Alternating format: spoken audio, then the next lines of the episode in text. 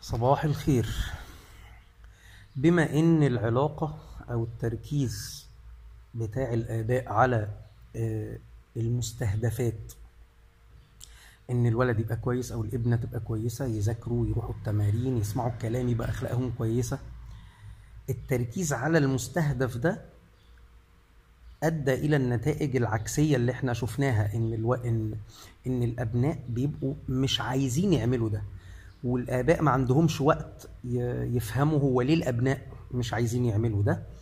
فيصبح الآباء هم المسؤولين عن إن هم يذاكروا. يعني الأب والأم هم اللي عايزين الطفل يذاكر لكن الطفل مش عايز يذاكر.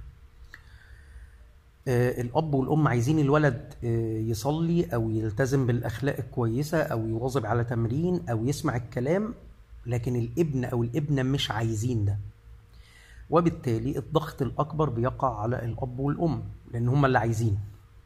طيب الأبحاث قالت إيه؟ الأبحاث قالت أن هذه علاقة خاطئة علاقة التركيز المباشر ما بين الآباء وما بين الناتج أو المستهدفات. دي علاقة غلط لأنها بتجيب نتائج بتخلي الأولاد آه، احتياجاتهم مهملة ضغوط أزيد ومضاعفة على الأب والأم. آه، الأولاد تابعين مش متحملين المسؤولية. ان غاب القط تلعب يا فار يا دوب لازم أنت تكون موجود عشان هم يذاكروا أو يسمعوا الكلام.